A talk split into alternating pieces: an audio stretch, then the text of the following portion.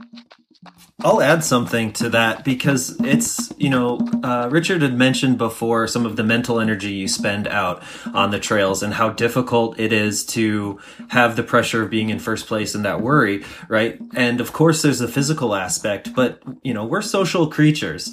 So there's also a social aspect. And I think part of why I think neither of us ever had a great worry is it's so easy to get along with Richard and we have such a good time together beer or no beer, he's a great person to hang out with. It's fun to like shoot stories around with him.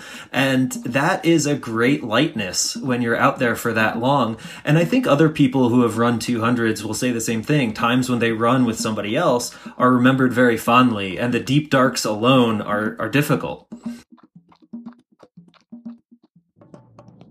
Xoskin makes some of the best products for trail running that you can put next to your skin. That's why they call it Xoskin. I finally got it, Freeman. That's why they call it Xoskin.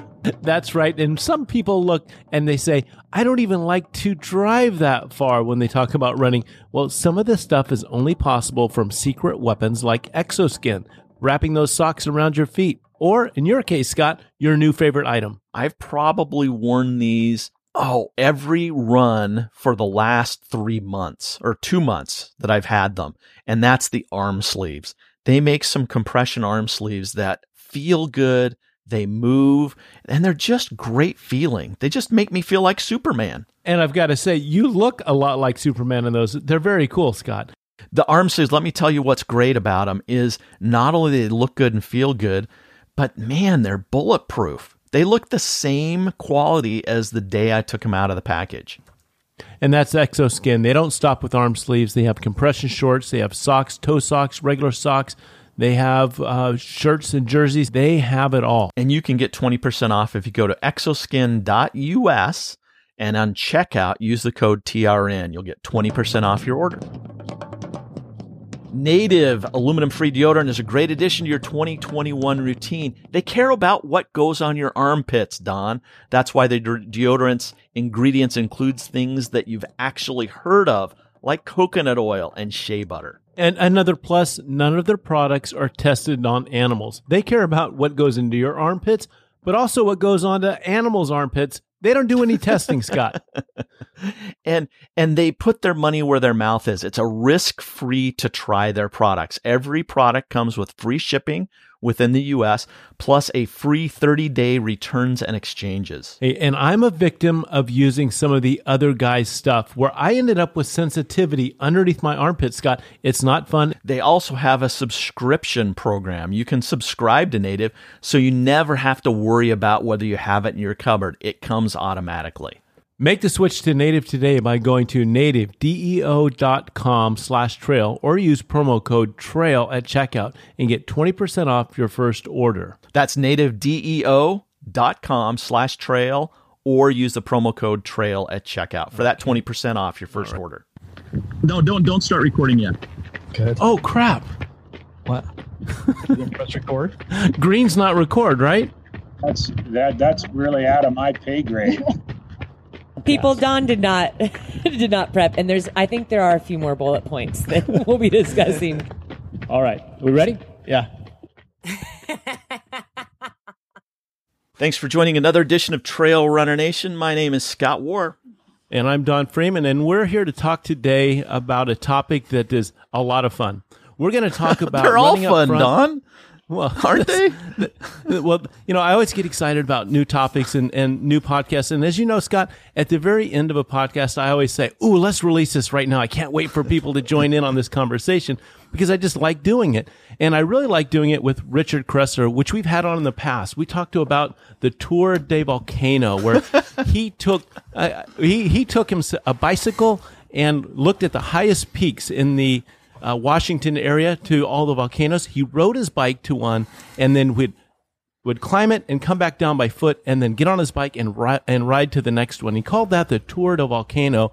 Very imaginative, very creative, and you can go back and listen to that podcast. How many miles did you end up traveling on that event, Richard? Uh, I bike. I started from Tacoma, bike down to Northern California, back up to Washington, and I think it was around 2,200 miles on bike uh, for for the whole loop.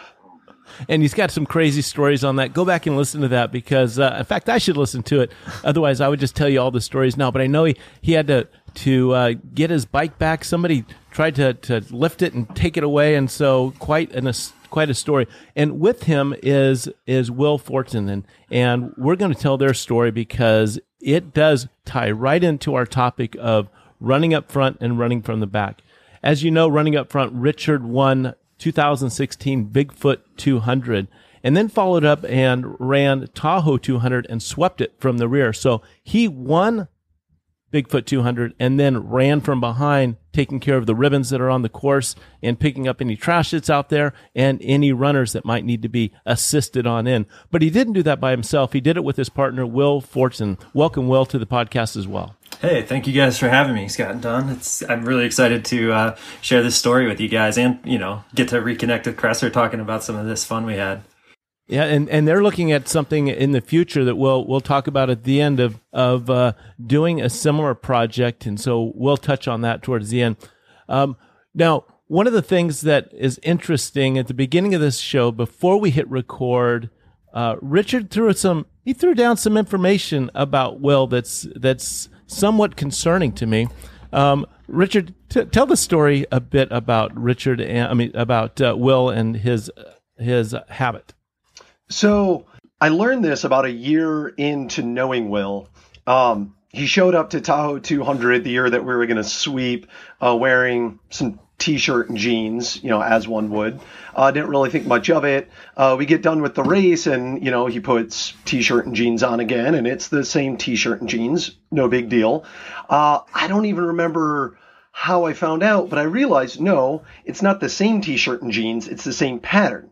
It's the same jeans and the same t-shirt, but a different set of jeans and a different t-shirt. And it turns out that he has 13 different t-shirts of the same t-shirt and 13 different pairs of jeans of the same jeans. And since for the last five years, he has been wearing every day the same outfit, just different iterations of it. So his entire closet is the same and he never has to choose what he's going to wear that day. Oh, didn't didn't Steve Jobs do that? No, actually, there are folks who talk about it from an efficiency standpoint, but I'm uh, I prefer to be more of a storyteller, and it came from uh, Doug, the Nickelodeon cartoon. Um, it's funny that Kresser mentions uh, a closet because when I was a kid, there was this bit that they did on there where Doug would open his closet and as every cartoon always shows up the same, he had hanging the same shirt, sweater vest, and shorts again and again and again in his closet. And ever since then, I was like, you know, I want to be a cartoon character one day. I want to do that. And then, sure enough, later in life, I found the right shirt. It fit right. It feels nice. Um, it has a good slogan, and so I I committed to it. And I, I bought a whole mess of the same shirt and jeans. And uh, October was my fourth anniversary. Now I'm a little over four years of uh, being a cartoon character in a way.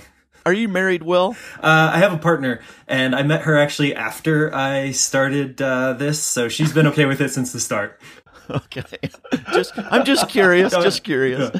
now, now I, I know this this this podcast episode is about something different than than Will's um, habits, but well, I've got to ask you. Um, do you have any anxiety about this shirt running out? I mean, what's what's next for you? Yes, I do greatly. In fact, uh, Jen, my partner, has been very encouraging of this shirt to run out. I, I wore a nice one today for the podcast, but some of them are pretty holy.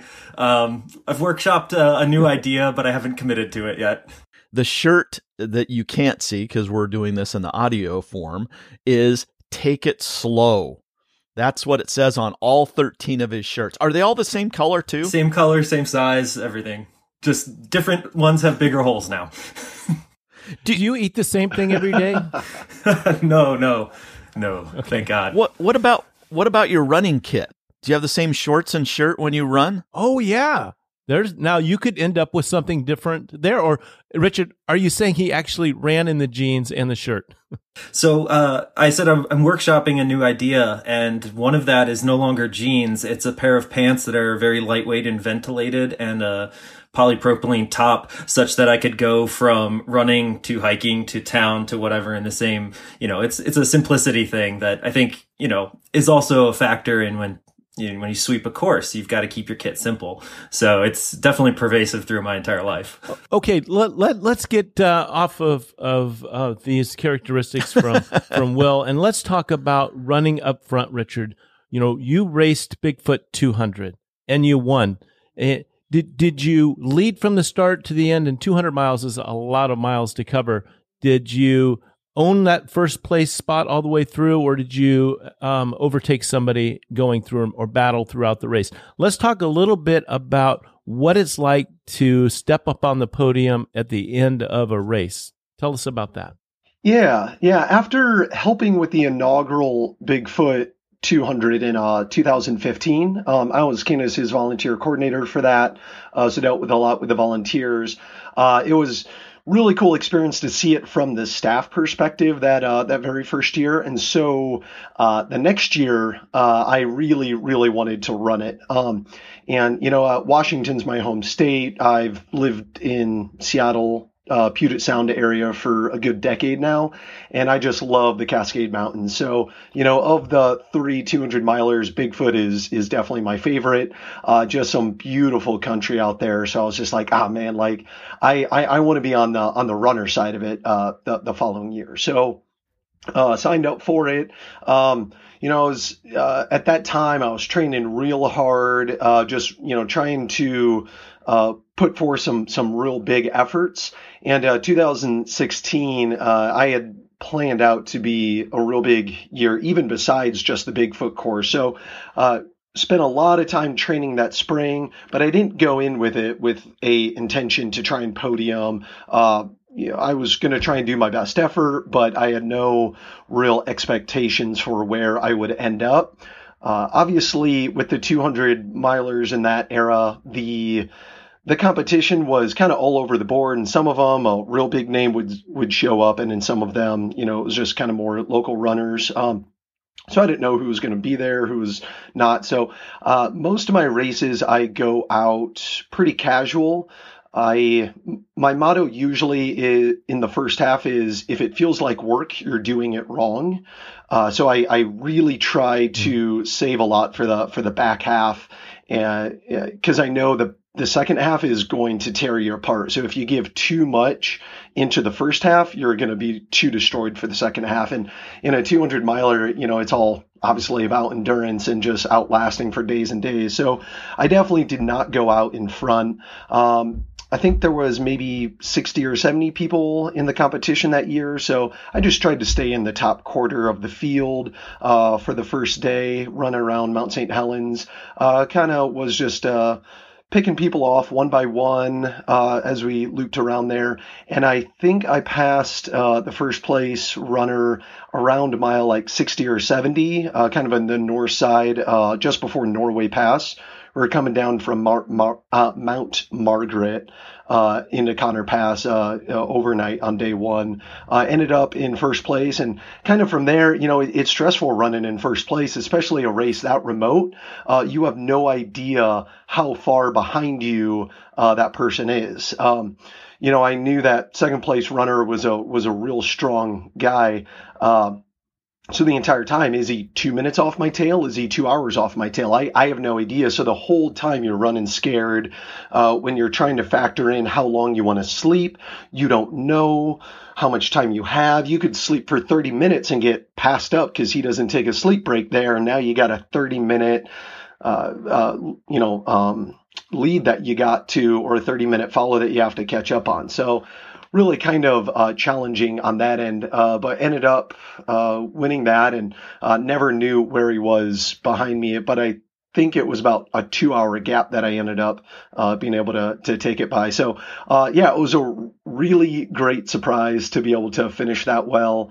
Um, broke the course record that my buddy Gavin Woody had sent two years previously. He had to deal with a lot more downfall on a section uh, than I did uh, over the previous year they had cleared out a lot of the Klickitat trail uh, so that sped my time up quite a bit so uh, yeah so I, I but uh, it was kind of ribbon whenever I see him I uh, yeah got his time by a little bit but it has subsequently been broken quite a bit though Yeah, I was on. I ran the course the opening year before, and it wasn't just the down trees; it was all of the wasps in and around those down trees. So you probably didn't get stung as often as we did. Holy cow! Hey, so so laying down to take a quick dirt nap to to catch up, and sometimes you know you don't have direct control of how long you sleep. Sometimes you know, many times just the cold of the night allows wakes you back up. You know, you, you're warm from running, you lay down, and then all of a sudden you're cold. You get up and you need to get moving again.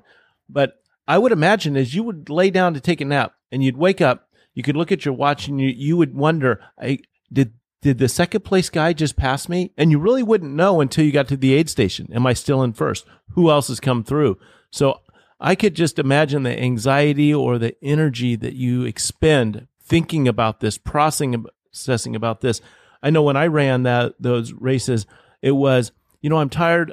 Yeah, it's a good time to lay down. This is a looks like a good section. There's a rock here. It looks like a soft dirt. It's kind of a warm area. I could pick my places and I could go ahead and take the luxury of staying there as long as I wanted. But if I was being chased, I would not want to stop. I'd just keep pushing. I think I would hmm. sabotage myself and run myself too tired and then blow up just because I'm being chased. Yeah, it, it's definitely very stressful. It's a, uh, you know, of, of you're expending physical energy, but your mind requires an enormous amount of energy and calories too. And just having that running scared mentality uh, eats up a lot of, of brain power and energy uh, just to sustain that. Did the Yeah. did being in first place surprise you? I mean, you were trying to stay in the top 25% when you thought, "Hey, I can actually get ahead and be in first place." Did that did that surprise you or was that in your mind? Uh, yeah, it, it, it surprised me, but I also thought like, hey, I mean, there's there's no huge names signed up for it this year. There's no, you know, Courtney Dauwalter or or anyone who's out here is going to crush it. So, I mean, it's uh, yeah, I, I got as good as chances as anyone, and while I definitely didn't expect to, I was just like, well, I'm just going to keep this up for as long as I can, and hopefully I'll be able to, yeah, hold them off until the end. So coming into the race, you were very casual about, yeah, I'm just going to do the best that I can. But then you find yourself in first place. How did was there a switch that's the competitor switch that turned on and said, "Okay, let's go." Yeah, yeah, for sure. Um, I, uh, I, you know, like usually I try to be in the top. You know, my goal for any race is usually top ten percent. You know, I, I never, I'm not the fastest runner. My, my strengths lie more in kind of creativity and like weird projects and stuff, and kind of crazy thinking than like pure speed uh, or endurance. So I don't ever really aim to be uh, competitive. But yeah, when I was in first place, I was just like, oh man, like this is my ticket. I'm gonna be able to get this. Like, I and and that produced a performance that I don't think I would have been able to uh, to match if you know, say there were some real high level competitors in that race.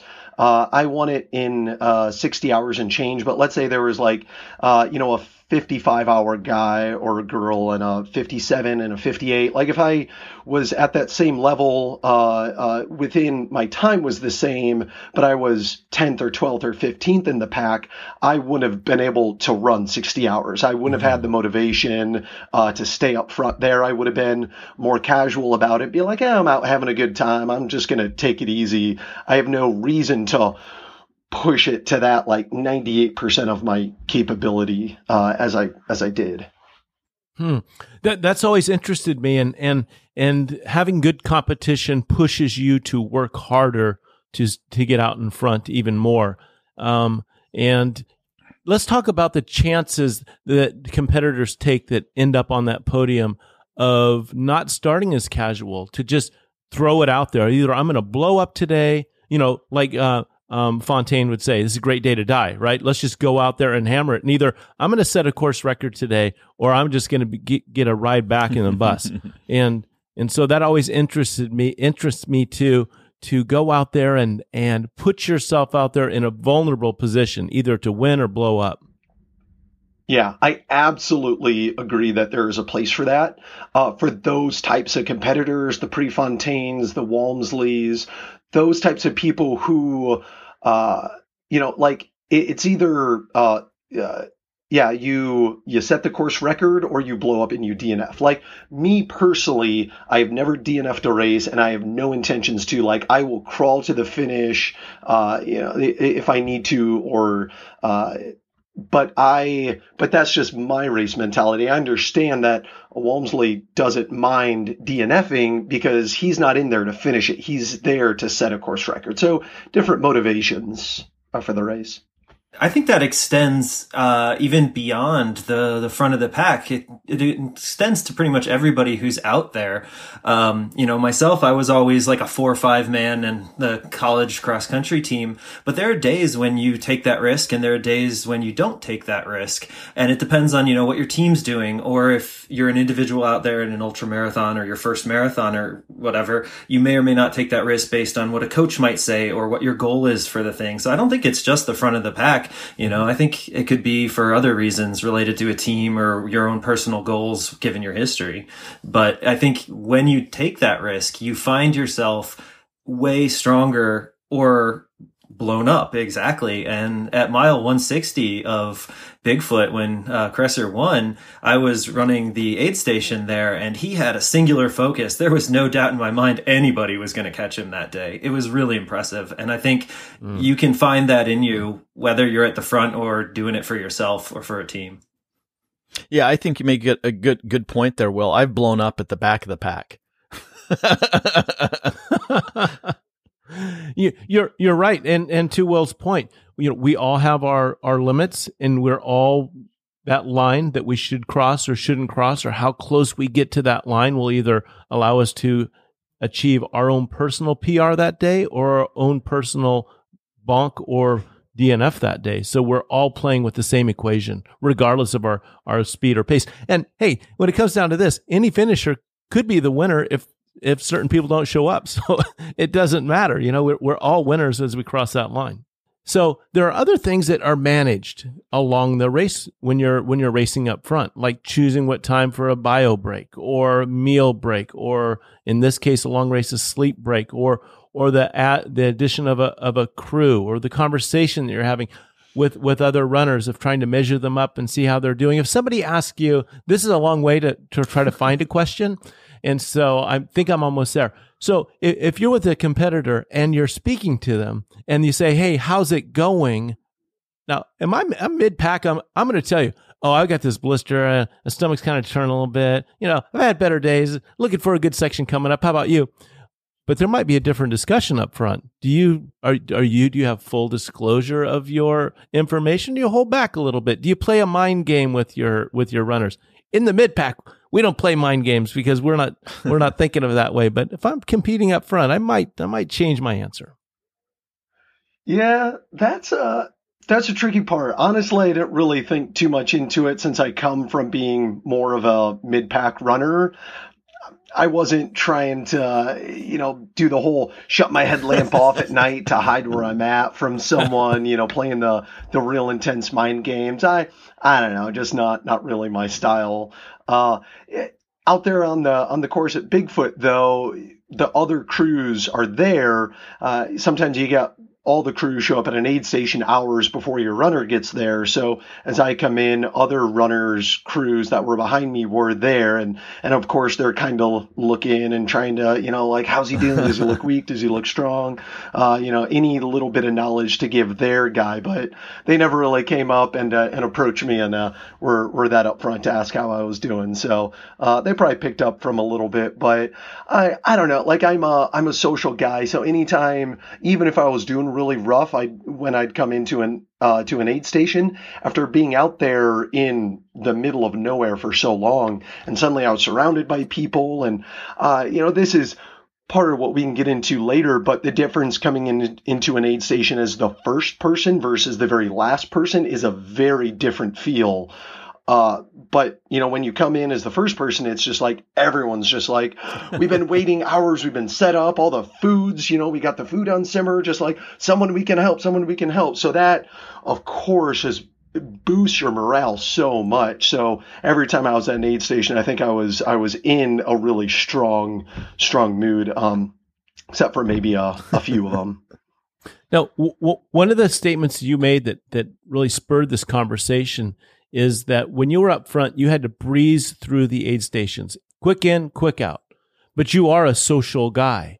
And one of the reasons you wanted to sweep is because you wanted to enjoy the people, celebrate the race, and, and just have the luxury of hanging out with a friend like Will and, and traveling along and just having a great time. So let's talk about the, the different in an aid station, what you just said. Hey, stuff's simmering. We're ready to go. We can't wait to serve you. You have 12 people on you and compare that to being uh, the last sweep coming through. And Will, if you want to pick up on that, you certainly can because you know you were there as well. Okay, I think there's uh, some context here that uh, will also help. I think um, because before we swept uh, Tahoe 200, I was running an aid station, and this is, I think, a year after we had met. We, you know, we'd known each other a bit, and so we were very excited to have him come in first, give him a lot of attention. But then you're there the rest of, I think we were open for like 50 hours or 52 hours or something, and by the end, you're trying to bring that same energy at the end, but it's tough. And so then going for us to go and be the tail end of the energy a month later well, I think, and I'm sure I'll let Kresser speak to this more, but he liked it well enough that the year after he joined us at that same aid station in Bigfoot. And so he got to see the energy from the first runner to the last runner. So he's been on the front of the pack, the back of the pack, and the aid station for the entirety pack. So he's got, he's got a, a unique perspective that I think, you know, I'd like to hear about now. Yeah. Um, yeah, and, and, and a little bit more of the backstory. You know, like Will and I met when he was running the Triple Crown of 200s uh, in 2015 Colorado, Bigfoot, and Tahoe 200. Uh, you know, at that time, that was the, the three of them. And uh, there was kind of this crew of about like eight racers that were doing all three, uh, following, you know, and, and they were there for up to two weeks at a time for everything. And I was the volunteer coordinator at Tahoe 200, at Bigfoot 200. So uh, a lot of these people were helping out before the race, and I got to know them, Will and uh, our friend Dustin, and, and a whole bunch of other uh, great people. And so they were a lot of those uh, 200 miler veterans were running the Council Bluff aid station, as as Will mentioned, uh, and yeah, and so like breezing through every aid station, uh, I just like I, I missed out on so much of that. So when I got to the finish line, and by that time the the Council Bluff uh, aid station crew was there at the finish line, and as uh, you know, as, as I was sitting there celebrating and you know reminiscing about the race with uh, with Will and Dustin and Kate Woodard and all those uh, you know people, uh, you know, it was just like man, like I th- that was a lot of fun, but I just feel like I missed out on a huge part of what makes these races so cool, and that is the aid stations. You know, it's just like I. I, I direct 5Ks. I, you know, direct 50Ks. I direct help out some 100 miles, 200 miles. I, I run the whole gamut of races that I help out with and organize. Uh, and so I see all the different sides. I mean, a, a 5K aid station versus a 240 mile aid station is so different. And those aid stations are just like little oases in the middle of nowhere. Uh, and they're just unlike anything else. So I was just like, I missed out on so much of, of what this race could have been. Um, and so when, uh, you know, uh, Will and I at the finish line were like, oh man, like what if we ran Tahoe here in a month and and you know like what if we uh, you know, just like treat it as a uh, just like a running party, and we just run to the aid stations at our leisure, get to the aid stations, and just party and just hang out and have a real good time, and like wait till the aid station closes down, and then run to the next one. we're like, oh, well, if we do that, we might as well help out and pick up all the course markers as we go, because we're going to be in last place, so we might as well. like, oh, well, then what if we just sweep? And uh, yeah, so that's the you know we we proposed the idea to Candice and we are like, hey, we'll just be your designated sweep for the entire 200 miles and uh, and run it all and pick it up. And uh, it was like, well, if we got to do that, we got to party. And so we decided to uh, uh, kind of uh, set a beverage limit, uh, if you will, along the way as well. And let me, let me ask this question, Will, and, and you can start off with, with the answer. So just you, you, you are designated answer for this one. And, and we want to get into that topic of this party that you traveled through. But for those that, that haven't run the 200 but and maybe haven't even run a, as short as a 5K just because they have done other races, compare and contrast a 5K aid station hmm. to a 200 mile aid station. Oh man. Um a 5K aid station is pretty well prescribed. What runners need coming in and going out and what they're going to do is very well known. How long you're going to be there is very well known. Uh, a 200 mile aid station, I, I almost hold, it, I guess it depends on your crew and how many people you have, but it can be as tiring as running a 200 mile race. I've run an aid station at 200 miles a handful of times and run 200 mile races a handful more than I've done aid stations. But at the end of that, you are exhausted because like Richard said, you're out in the middle of nowhere on your own and you only have a few people and you're excited for the first runners and you're excited for the last runners and you're excited for hours and hours and hours. And I think our aid station was open for something like 52 hours. And that doesn't include getting out there, getting set, set up and like, you've never seen this giant metal tent. How do we do this? And then you have to take it all down and try to figure out how to fit the trash all back into a truck or a van. And so by the time you come in back to the headquarters, I think at this point, Richard had actually slept and thought about it but I'm getting off the bus, off our van, and he's like, "Hey, do you want to sweep all of Tahoe in a month?" And I'm just like, "Yeah, like sure. I haven't slept in three days. That sounds great." And uh, it was a brilliant homecoming, I gotta say. Um, but yeah, the the personnel and the people is why we do this and why we like to see all sides of it. Um, the highs and lows and the lulls of an aid station are unique when it's open that long, uh, unlike a 5K or 10K or you know uh, that kind of aid station. Um, and when you sleep, there often becomes tension. And so sometimes, you know, if somebody's cooking and you go in to be like, oh, I just want to fry myself up an egg or something. And then it's like, hey, I'm in charge of the kitchen. What are you doing? It's like, oh, we just haven't slept in two days. We're, we're cool. so. I never, I never thought about this, but maybe some of those aid station workers need to get a belt buckle for uh, these long races. They're out there on the course longer than some of the runners.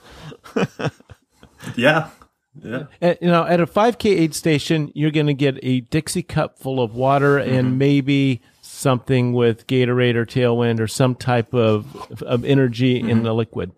But it's completely different, and and, and really to the credit of, of Candice at her aid stations, which are over the top. I mean, it's the Ritz Carlton of, of aid stations. Yeah. There's sleeping tents in some, and there are there's food that you could only imagine. You've seen some of her Instagram video pics of of just carts and carts, the large carts filled with bacon and mm-hmm. and and and everything to make the most extravagant meals ever. You guys have a true oasis in the middle of nowhere. It's it's a singular and beautiful experience. It's a lot a lot of fun and it's fun to get to share it and it's fun to see what everyone brings to it and what everyone expects from it. Um, I I've loved it. Even the times when I was trying to stay awake so long that I went to go check on something and fell in the sleep in the asleep in the back of the truck of the guy who was doing the ham radio without permission. I just I couldn't stand anymore.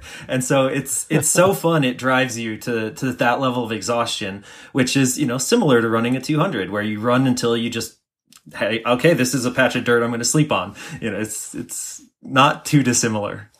I, I I think Richard, it's it's pretty amazing. Uh, can you recount a little bit more about your decision soon after winning Bigfoot that you said, "Hey, let's go over to to Tahoe in a month and let's sweep this thing." What was what was going through your mind?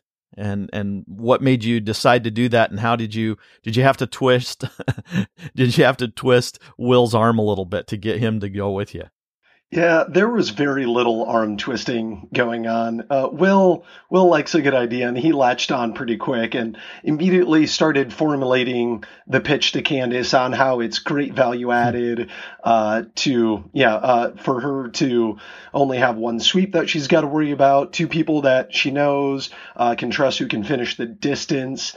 Uh, yeah, I mean, I at that time 200 miles was obviously a, a, very big chunk of distance to to bite off but i had uh, a real good summer of training under my belt. So uh, you know to sign up for another 200 miler a few weeks later wasn't uh, wasn't that hard to to decide to do. So the only thing that was hard was uh, figuring out how much beer to drink during it. So how much beer to drink during it? Um, you said a party, but I didn't know it was that kind of party. Why don't you uh, uh explain that?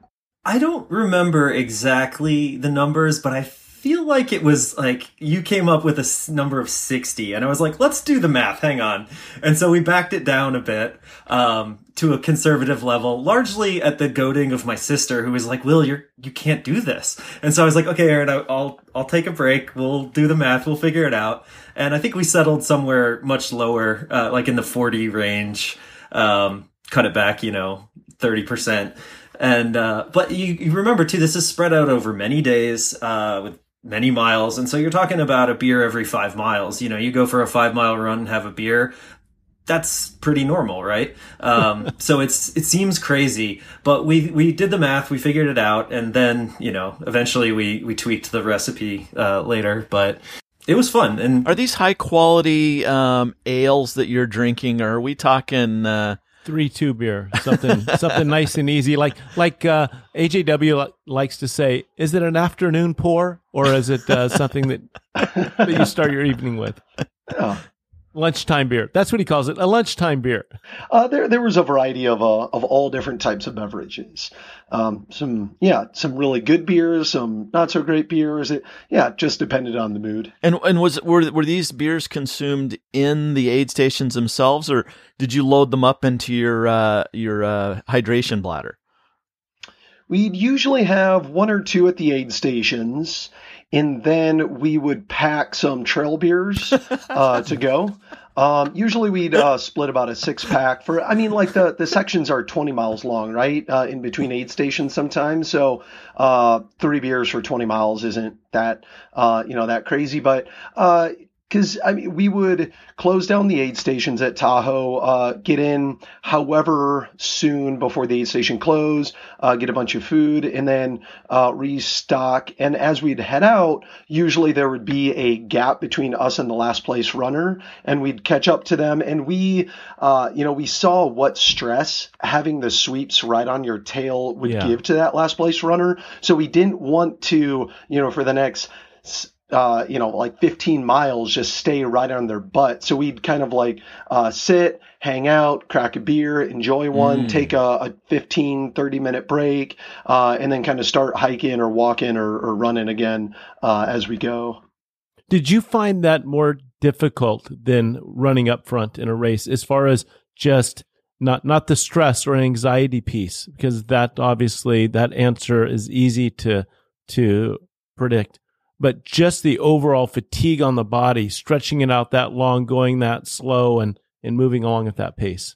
So for me, I, I I don't would I wouldn't characterize it exactly as a stress of going slow. I would characterize it more as a stress of going a pace that's not your own, um, because you're mm. not in control. Yeah, you're not in control. I mean, slow for different people is different things, and so it's not the absolute speed. It's the fact that we had to check ourselves that that became difficult um, in in its way, um, more so than I think either of us anticipated. Yeah, that was my question. I'm glad that you mm-hmm. found the right question in your answer. So that's oh, okay. good. How, how, about you, Richard? Did you find did you find going at a mandated pace different than going at a pace that you feel yeah. like you want to travel? Most definitely, um, especially for something of that distance, uh, based on uh, based on the sleep. Um, you know, mm-hmm. during the day it was relatively easily. It was nice. It was sunny out. So as you, um, you know, you run and okay, you know, we need to take a break right now. We just like lay in the sun and, and crack a beer. Great during the day, but at night when you uh, maybe catch up on that last place runner, then you need to stop and instantly you start shivering uh, and you get really cold. And so now it's just like, oh my gosh, like, uh, you know, how how can I hike? Like what what pace can I uh, uh, keep so I maintain warmth, but I'm not going too quick? Uh, and then also factoring in sleep, we're so tied to the aid station closure times that we don't really ever get to choose when we sleep based on any sort of natural sleep rhythms. So maybe we get a sleep at an aid station at you know one of the nice uh, sleep tents, uh, but more often than not, when we had an opportunity to sleep was out on the trail during the least opportune sleep conditions, mm-hmm. uh, when it's really cold or really hot, and uh, so we weren't getting really uh, much sleep at all, if any, uh, during that time. So that just made everything so much tougher not being able to get quality sleep. One of the uh, fonder memories of these sweep journeys that we've had, we're trying to come up with some of that sleep solution. And when you're sweeping, we have these cords where we ta- put all the, the course markings, which are essentially a clothespin wrapped with some flagging. And once you have about three of those wrapped around you, like three really big sashes, you can kind of lay down in the ground and cover yourself up with all the course markings as a blanket. And so my more fond sleep times were like, there's a log for a pillow. Let's put all the sashes in. Like we'd kind of tuck each other in and fall asleep. And it was, uh, it was the, it was the, it was tough, but it was a nice feeling because you weren't there alone.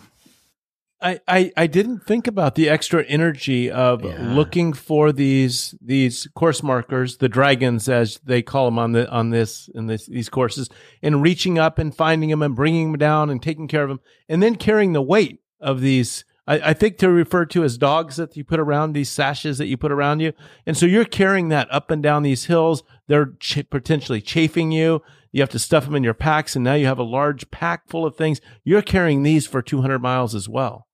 I think um, we shared the the sashes, but once we had a full dog, a full string of these, we'd often put them in Richard's pack because the other side of it were also the stakes with uh, laminated signs that we had to take those out, and so all the stakes ended up in mine. And I I imagine at each aid station we probably both dropped off about thirty pounds of stuff.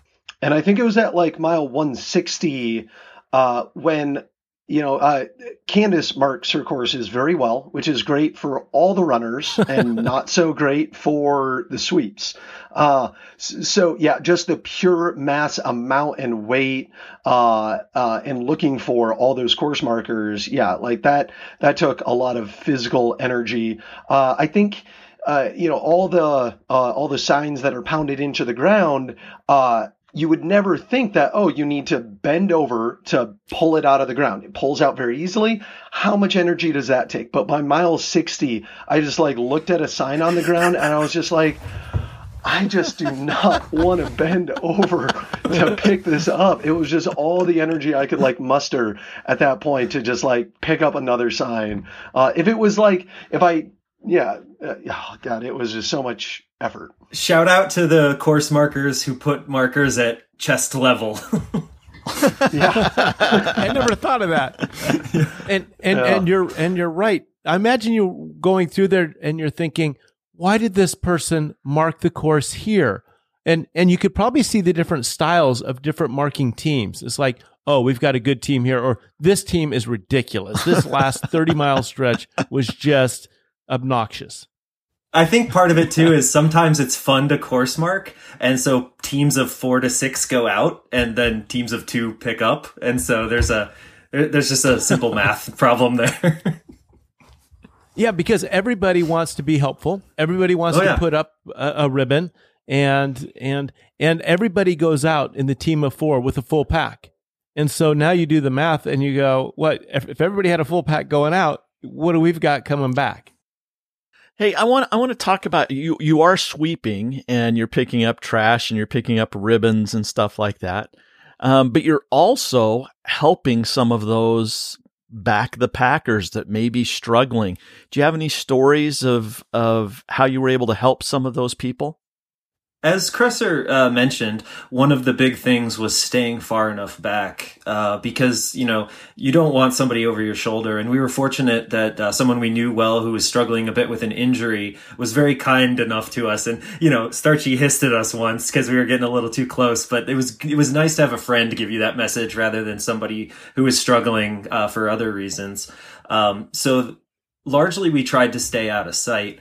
I think you know a couple wayward folks who get a little bit lost. You know, you, you scoop them up, and uh, if we ever did make it, particularly in the earlier stages of the race when people were feeling better, making it to an aid station and being supportive and, you know, encouraging just as like another runner would be, that was also, uh, that was good memories for me to tell people like, Hey, you're doing awesome. I can't like, cause oftentimes particular like people who are doing it the first time or whatever might feel a little down. And so to have some experienced people, you know, there to boost them up, um, that was fond memories for me. Yeah. Yeah, and and running at night, you have to really be careful with your light because you can see people miles back. So people are still looking at lights just flashing off in the mountain, thinking, "Oh no, there are the sweeps." and and I imagine some runners in the back looking back, asking, "Are you the sweeps?" I mean, you get that question, mm-hmm. like, "Please don't be the sweeps." Yeah, we tried, uh, you know, anytime like we saw a light up there, you know, because usually we'd see uh, the last runner light before they'd be turning around and seeing our light. Sure. Uh, so we could usually try to notice them before they noticed us, and then we'd, you know, hang out and take one of our uh, our dirt naps with our dragon blankets and uh, try and hang out. So yeah, we, we tried to avoid it as as much as we could. And one thing I think uh, helped I think for us and the couple times we did get those questions from somebody was to just be honest and also real that like when a sweep is coming from an aid station just doing one section, which often in these 200s, they finish their close their aid station, sweep, and then go home because it's been days. You know, you've already taken a day or two off work to do this aid station. So it's time to sweep and go home. They have an agenda and a, I want to get here and get done and with us, we could at least say we are in no rush. Take as much time as you want at this aid station. We're not pushing you because we're going to be finishing hours before whoever the last person is, no matter what. So take all the time you need. Um, and I, that did resonate with uh, runners when we did ever, you know, the couple times we did get the question of like, oh no, are you the sweeps? It's like, yeah, but we're not pushing you at all, man. We, we got no agenda. We have nowhere to be. Yeah. And, and at the same time, you know, for some of the sweeps, uh, uh, a, a, few of them did look at us, uh, you know, as a benefit added, like maybe they were out there without a pacer. Uh, and so to have some company out on the trail during one of their uh, rougher times was kind of nice to have, have us stop by, talk to them. And they knew that we were at the same place where they were at. We weren't fresh sweeps, as Will said, you know, out just, ha ha ha, oh, we're out for only 20 miles, you know, or we're doing really good. Be like, yeah, man, I'm also at mile 130. I'm also hurting and suffering uh, I, I get it. I get where you're at. And there can be some camaraderie in that uh, for them to know, like, all right, you know, it's, um, yeah, they're here to help instead of like they're the evil Grim Reaper come to scoop me up. Right, and and you could give them some some confidence, saying, "Hey, you're well ahead of cutoff. You, you know, if you're seeing me right now, you've got you've got a buffer. You're just fine." Yeah, yeah. And it's yeah. a few more uh, the spot beacons out there as well, because sometimes those things malfunction. And you know the sweeps are there to pick up signs and trash, sure, but also safety. You know we know if anyone's struggling, we know if anything's going on, and uh, say somebody's technology fails, there's two people out there with the same tech as a safety blanket. Yeah, to tell us about the spot beacon and, and just uh, how it works for these these endurance races, the safety and uh, the great for spectators as well. So uh, the spot beacon, as just a general term, I think it's actually that might be trademarked. I don't know. There's these uh, devices that you use that use GPS and then a satellite system to send out a, a ping at some specified interval, usually uh, for races this long, every five or ten minutes or so.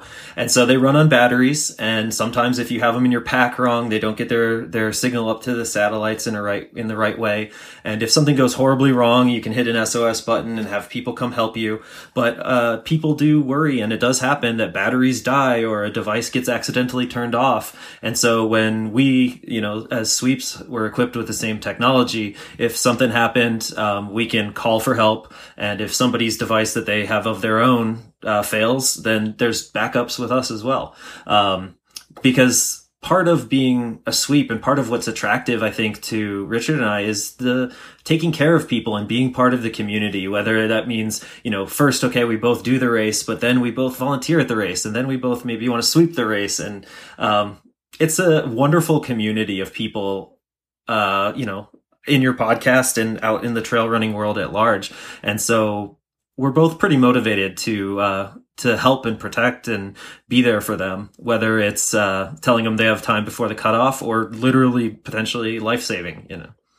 and and that goes well into uh, I think the it was the last night of Tahoe uh, when uh, you know that was uh, 2016 when we did it. It was a it was a pretty smoky year uh, around Tahoe. There, there was a lot of forest fires. Uh, air quality wasn't the best, but it also wasn't the worst. It was uh, the race was still able to be held, but by day five of running out in that, some people's lungs were starting to kind of feel the effects of it, and so I think it was around maybe overnight, 11 o'clock, maybe midnight and we're uh, you know in, in, last place going into about mile 180 when we get a call uh, that there's uh, one maybe not the last place but close to the last place runner is uh, up on the trail close to Black Peak uh, at the highest point uh, in I, I, think on on that side of the course around 9,000 feet. So decently high altitude, feeling maybe some of the effects of of uh, low oxygen along with his lungs at that point. And uh, the call came in for a runner in distress. He's not able to breathe. Uh, and so, you know, now as sweeps, uh, I'm uh, an EMT uh, ski patroller uh, at the time. So, you know, we're the closest, uh, you know, medical response too. So we, you know, now have to respond to a true life-threatening medical emergency. I, I, think he had activated his spot beacon, as Will mentioned, and he also had an operable cell phone. So he was calling down to race management. they were trying to get in contact with him, us. He was also calling his wife, uh, uh, you know, talking to her, and, and she's alerting a lot of authorities. She's very concerned about her, her husband. Uh, so we ended up. Um, we got to him. Uh, he was able to breathe, and, and as he got lower on the trail, he was able to breathe better. Better, and we escorted him into the aid station uh, where he uh, was uh, able to get some some further medical attention. Uh, but yeah, that was that was a time where having uh, you know sweeps were definitely needed. very helpful to have some some medical training as well with that. Did you guys ever um, worry since you were sweeping the entire course? Was there ever any worry that you guys were in a, but, a tough spot or that maybe you needed to pull?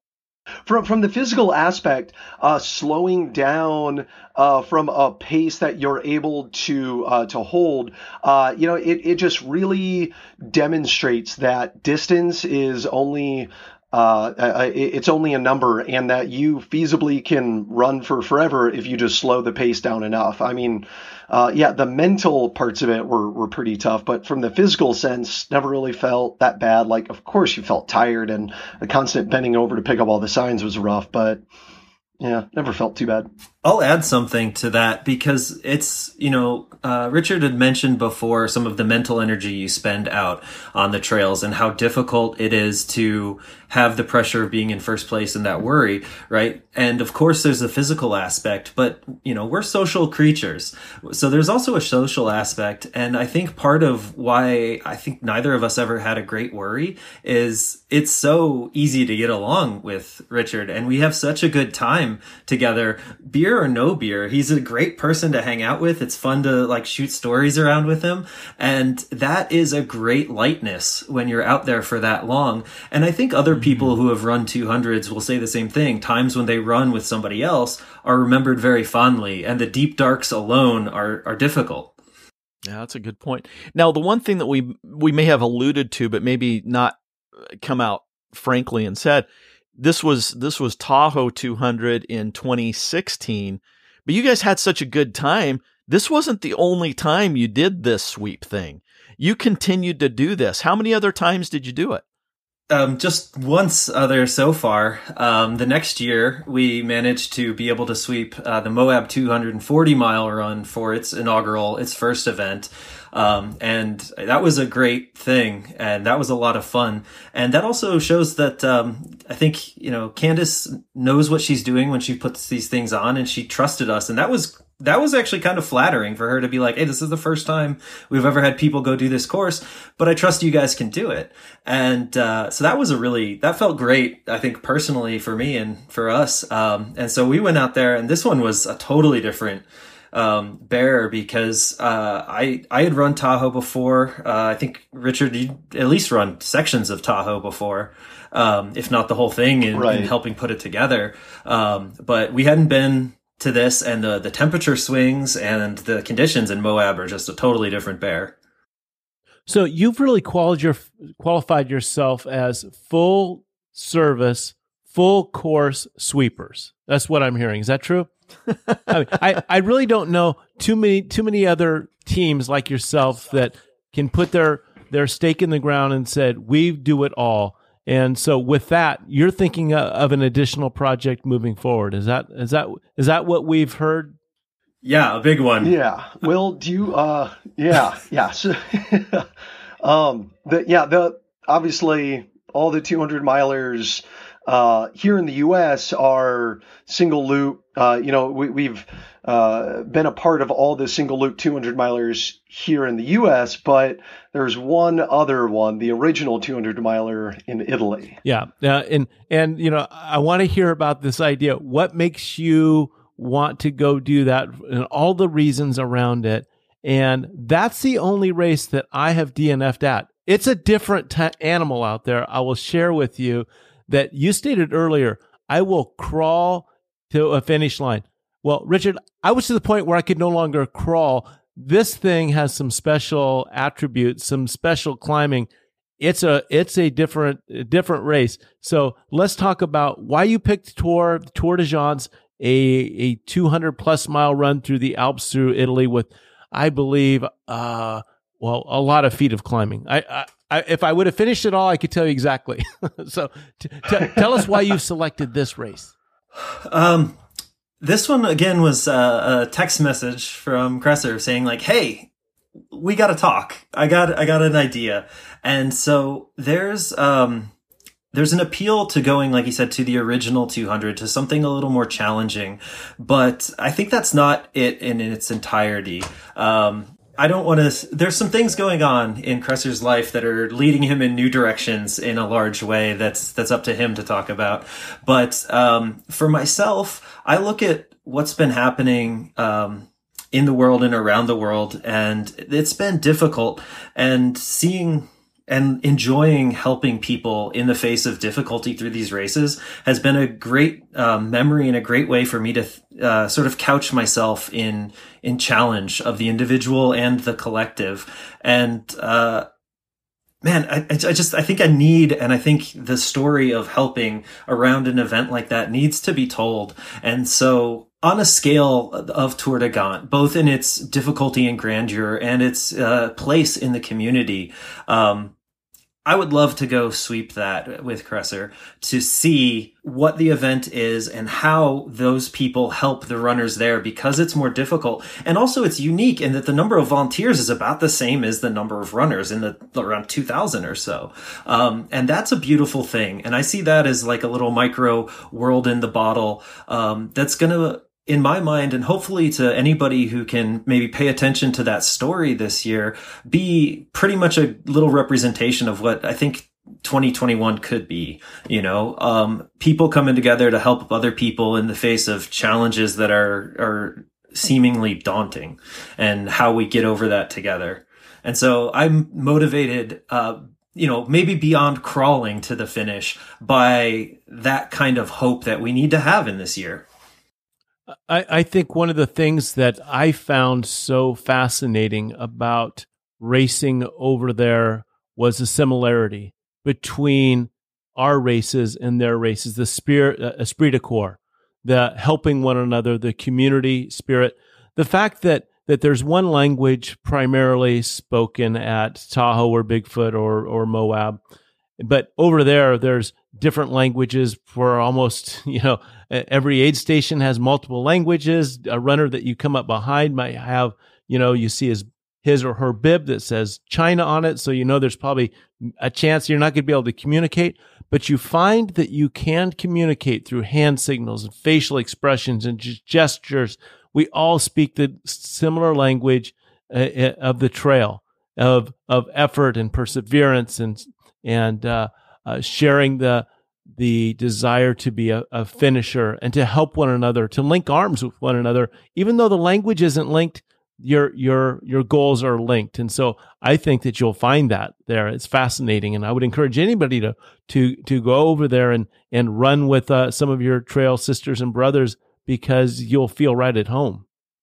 So, Richard, why, why, why, why, why this idea of tour for you? We we just heard from Will. You you talked him in just with the text. Uh, the power of your text is is pretty persuasive. I have uh, I, I have lots of bad good ideas, or or maybe good bad ideas, probably. Um, yeah, I ever ever since I first got into trail running, uh, the tour has been just something that has uh, just fascinated me. I mean, just uh, yeah, everything about it. I've always wanted to go and do it, uh, but I just honestly haven't really uh, traveled internationally all that much. There's, uh, I, I grew up in Iowa and moving out here to Washington, I just like keep finding, man, there's more and more and more stuff to do out here within a two hour range of me. So, uh, you know, to justify a uh, uh, an international trip has always been like, well, if there's really great terrain here to explore, a reason that I would want to go abroad uh, uh, for something is more for the culture, something that can't be found here, and something like the tour where it's both the blend of uh, seeing some of the most rugged terrain, the most rugged trails, uh, you know, on, a race like this, as well as just meeting people from all different countries, all different walks of life. Uh, it would just be an incredible way to see Italy uh, for the first time, uh, to see all those types of things, and uh, the facet to do it. Once again, as I talked, you know, the difference between Bigfoot and the difference between uh, Tahoe. I don't want to go out there and try and compete. I don't want to try to go to the tour trying to uh, you know, to to make a certain time. I want to go there to experience it. I want to go there to you know to really uh, uh, see it all. Um, and you know that's that's what uh, you know I Will and I uh, traveling with uh, with such a great buddy as well with lots of misadventures along the way helping uh, the community, helping the runners, uh, helping the organization by picking up all the all this stuff. I think would be just a, a great experience. And uh, uh so I have a, a baby uh, due in May with my uh, wife Maudie. And uh, so it would be a three month old uh, little uh, little baby by September when the race is. So it would be a big challenge to bite off even just traveling internationally. But yeah, so that's would be a really exciting kind of first trip uh, with uh, uh, with the baby as well. So you know, just kind of all that like new fatherhood uh, going into helping all the runners out on the trail would be, uh, yeah, just a, a great experience. Who? What? What does that finger mean, Scott? That means you. Oh. okay.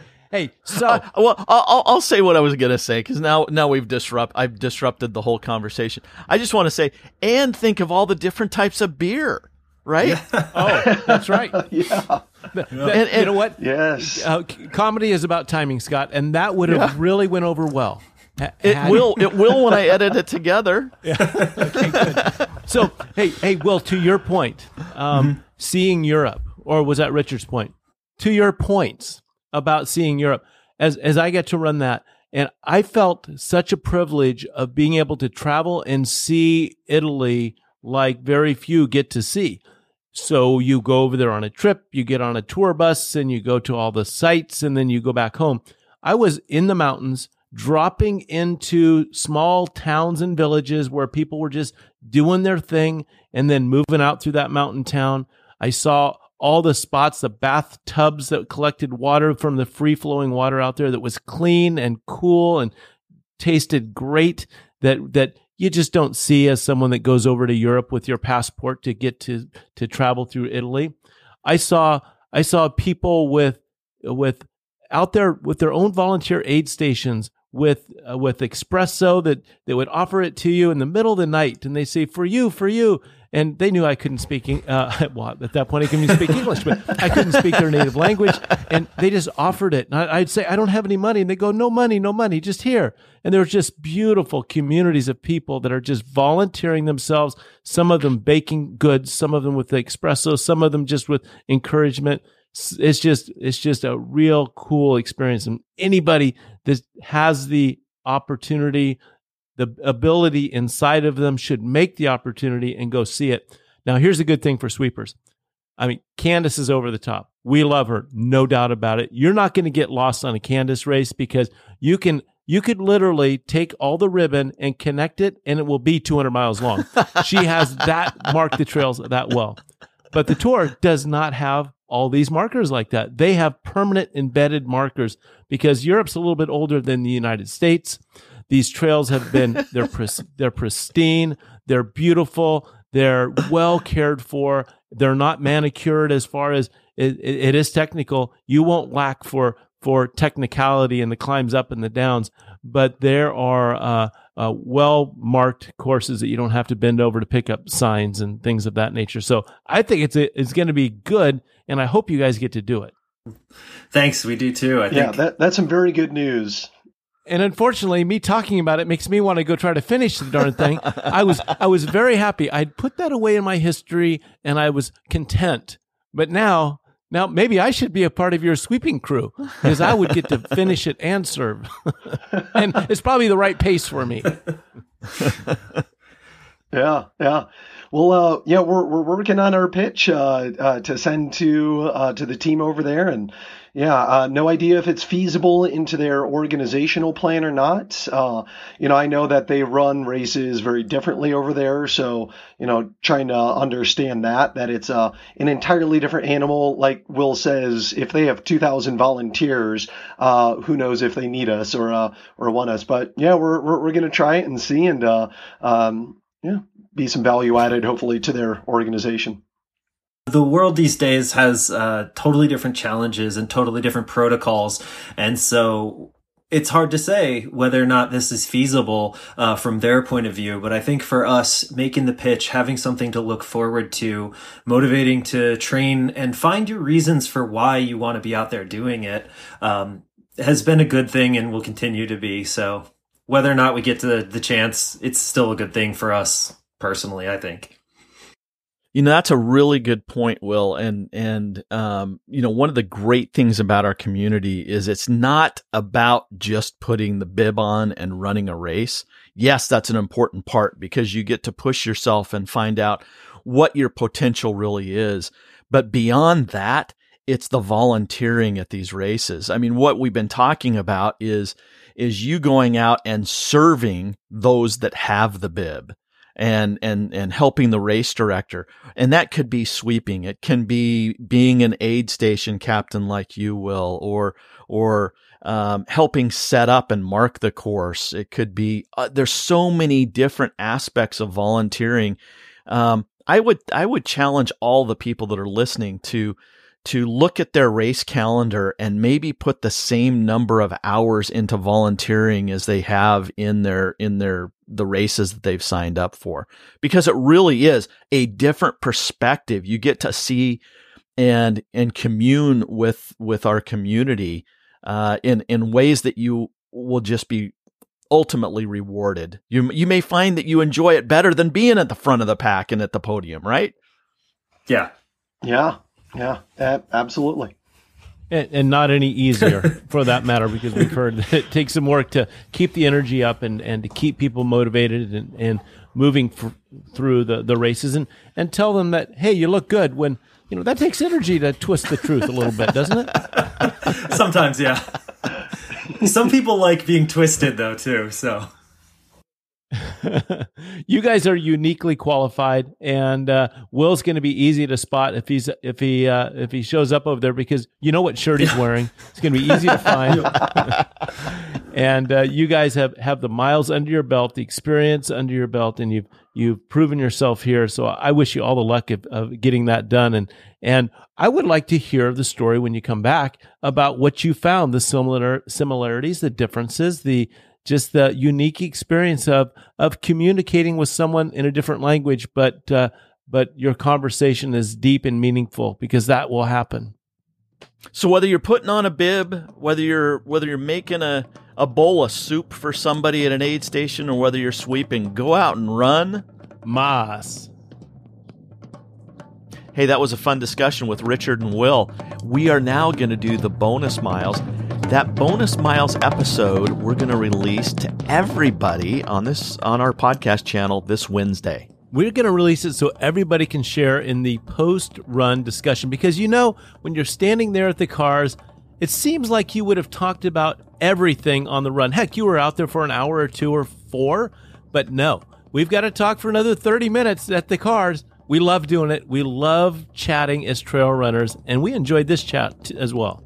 If you want to make sure that you hear all of the bonus miles, because we do this almost every week at the end of the podcast, you can uh, get that by subscribing to our Patreon channel. You can go there by going to our website, trailrunnernation.com, click on the support us on the top uh, left corner of the page, and you su- can subscribe. If you subscribe at the ambassador level or greater, you get to hear the bonus miles every week.